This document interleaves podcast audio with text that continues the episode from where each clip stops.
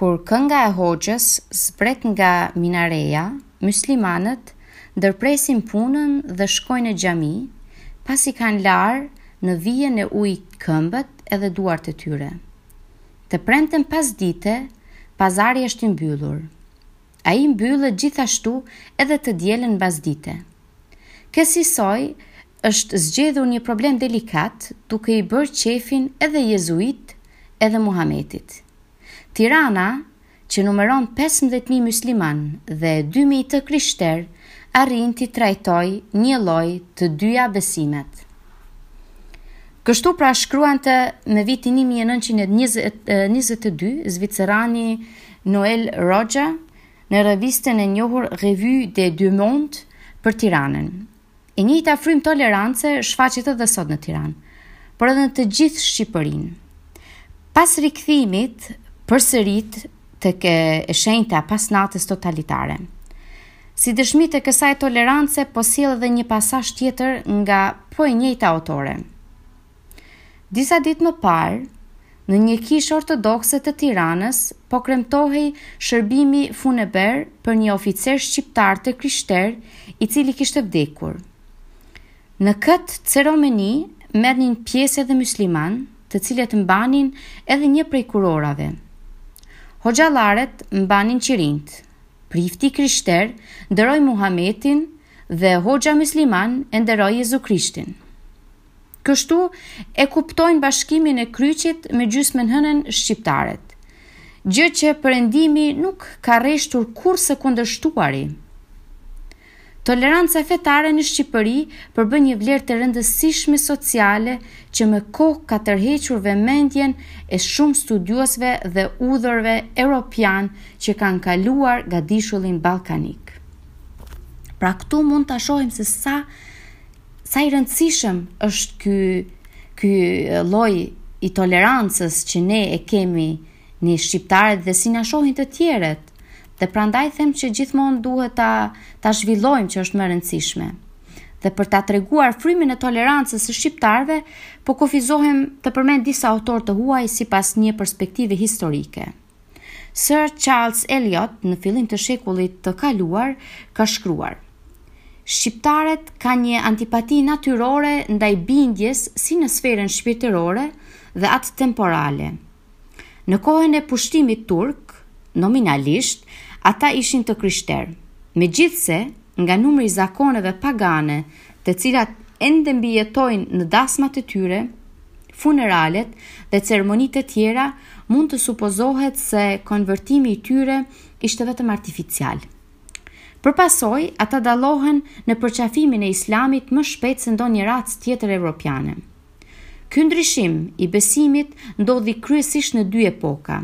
Së pari, Menjëherë pas pushtimit dhe së dyti në shekullin e shtatëmbëdhjetë, kur ndodhi një apostazi e gjerë për shkak të faktit se hapej një karrierë e mirë për myslimanët europianë në këtë periudhë. Por edhe në shekullin e tanishëm, fise dhe fshatra e kanë ndryshuar fenë për shkaqe fare të vogla. Sipas historisë, pjesë të një fisi të krishterë u bënë muhamedanë, sepse prifti i tyre, i cili shërbente në disa fshatra dhe i vizitonte ato së pari, insistoi mbi mbajtjen e meshës në një orë të paarsyeshme.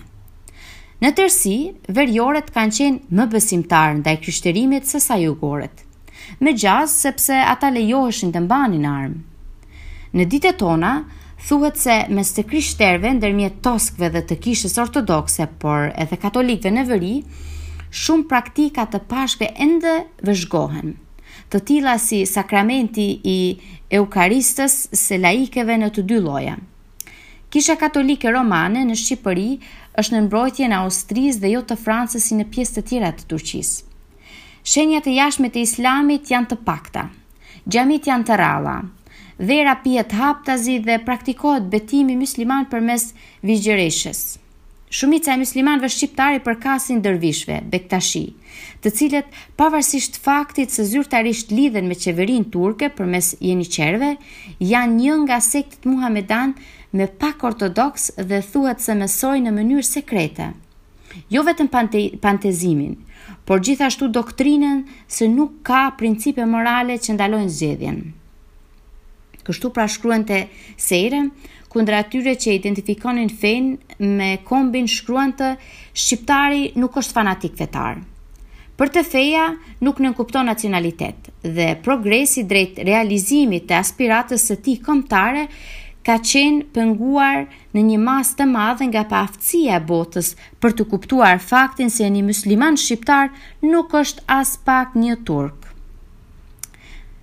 Pastaj kemi edhe prej Bagie në veprën Çështja shqiptare që shkruante një fakt absolutisht i dallueshëm dhe që në lindje duhet konsideruar si përjashtim është se ky karakter, pra nacional, ka mbizotëruar ndaj çdo konsiderate tjetër, ndërkohë që te të gjithë popujt fqinj, ideja fetare pothuajse gjithmonë dhe për një kohë të gjatë ka dominuar ndjenjën nacionale. Shqiptarët gjithmonë kanë mbetur shqiptarë dhe e kanë mjaft të gjallë ndjenjën e solidaritetit të tyre me bashkatdhetarët e tyre të kulteve të tjera. Pastaj kemi Alain Ducellier, duke folur për kthimin në myslimanizëm, vlerëson frymën e tolerancës fetare ndër shqiptarë, duke thënë se, si përfundim, duket megjithë burimet e pakta se në qoftë se Shqipëria ishte përfshirë në masë nga besimi roman, ky fitoi ngadalë terren në vend, ku aristokracia, natyrisht ishte e para që u konvertua, konvertim që më shumë frymëzohej nga motive të rendit politik. Duke kaluar nga veriu në jug, kalohej kështu nga një vend me mazhorancë katolike, në rajonin e Durrësit, ku ligji latin prirej ngadalë drejt ekuilibrimit me besimin ortodoks për të arritur së fundi që para limiteve të provincës bizante të Vlorës në një zonë ku ortodoksia mbeti qartësisht dominante. Me pak nuanca, pozicionet respektive të dy konfesioneve në Shqipëri, që në gjysmën e parë të shekullit të 14, ishin ato që janë edhe sot.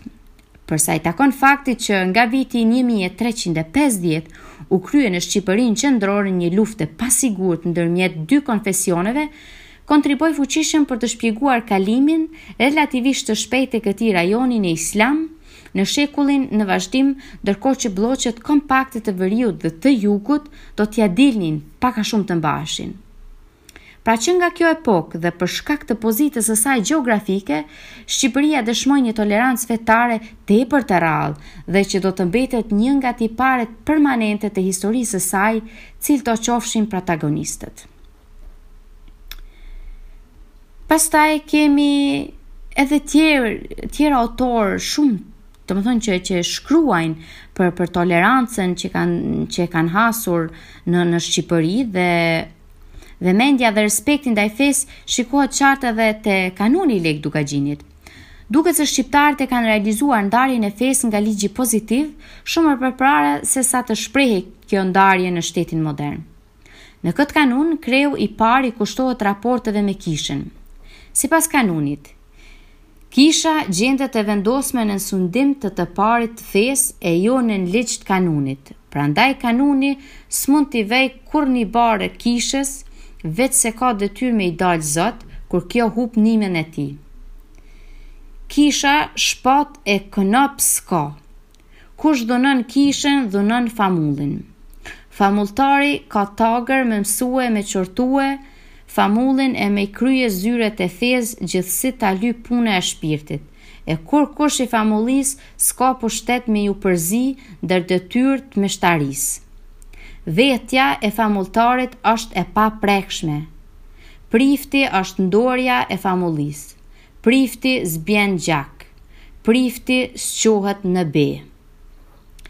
Pra nisur nga shumë vëzhgime udhëtarësh perëndimorë që kanë folur për frymën e tolerancës fetare, ka patur edhe pikëpamje keqdashëse, sidomos nga propaganda nacionaliste e vendeve fqinje që kanë dashur t'i përshkruajnë shqiptarët si jofetarë dhe se ideja e Zotit nuk ka qenë shumë e pranishme. në fakt, po të shikojmë krijimtarinë popullore, do të vëmë re se në, në të ideja e Zotit është prezente dhe madje ka një vlerësim të lartë për Perëndinë. Në tregime dhe këngë popullore gjejmë atribute dhe cilësi të veçanta të Perëndisë që përshkruhet si qenia e madhe, i gjithëfuqishëm, i drejtë, i gjithëditur, i lumtur, i mirë, i dhimbshur, ngushëllues, i shenjtë dhe të vërteta e të tjerë. Pra pas gjithë këtyre parashtrimeve mund të shtrohet pyetja a kanë vese shqiptarët? Po sigurisht që po. Ashtu si tërë lloji njerëzor. Prandaj detyra që shtrohet para shoqërisë sonë dhe komunitetet fetare mund të luajnë një rol të madh është ripërtëritja shpirtërore e shoqërisë shqiptare, detyrë që e shtroi në mënyrë shumë të qartë Pater Anton Harapi në vitin 1944. ku ai thoshte, Të krijojmë një, një fuqi morale në Shqipëri. Edhe në mos e gjetshim një njeri i cili sot ta përvetësojë të tanë idenë, vullnetin dhe përpjekjet e jetës shqiptare, kemi me pasë më shumë asish të cilët rëndojnë moralisht aq sa me e ba pikën e gravitetit të jetës sonë kombëtare. Duhet të besojmë në dikënd, të besojmë në vitalitetin shqiptar, të besojmë në fuqinë e vullnetit tonë, por ama të besojmë përnjimend, po nuk i besuam vetes sa duhet. Nuk ka përse të besojë edhe i huaji ndër ne. Lypet ta rindërtojmë ndërgjegjen tonë vetjake dhe kolektive.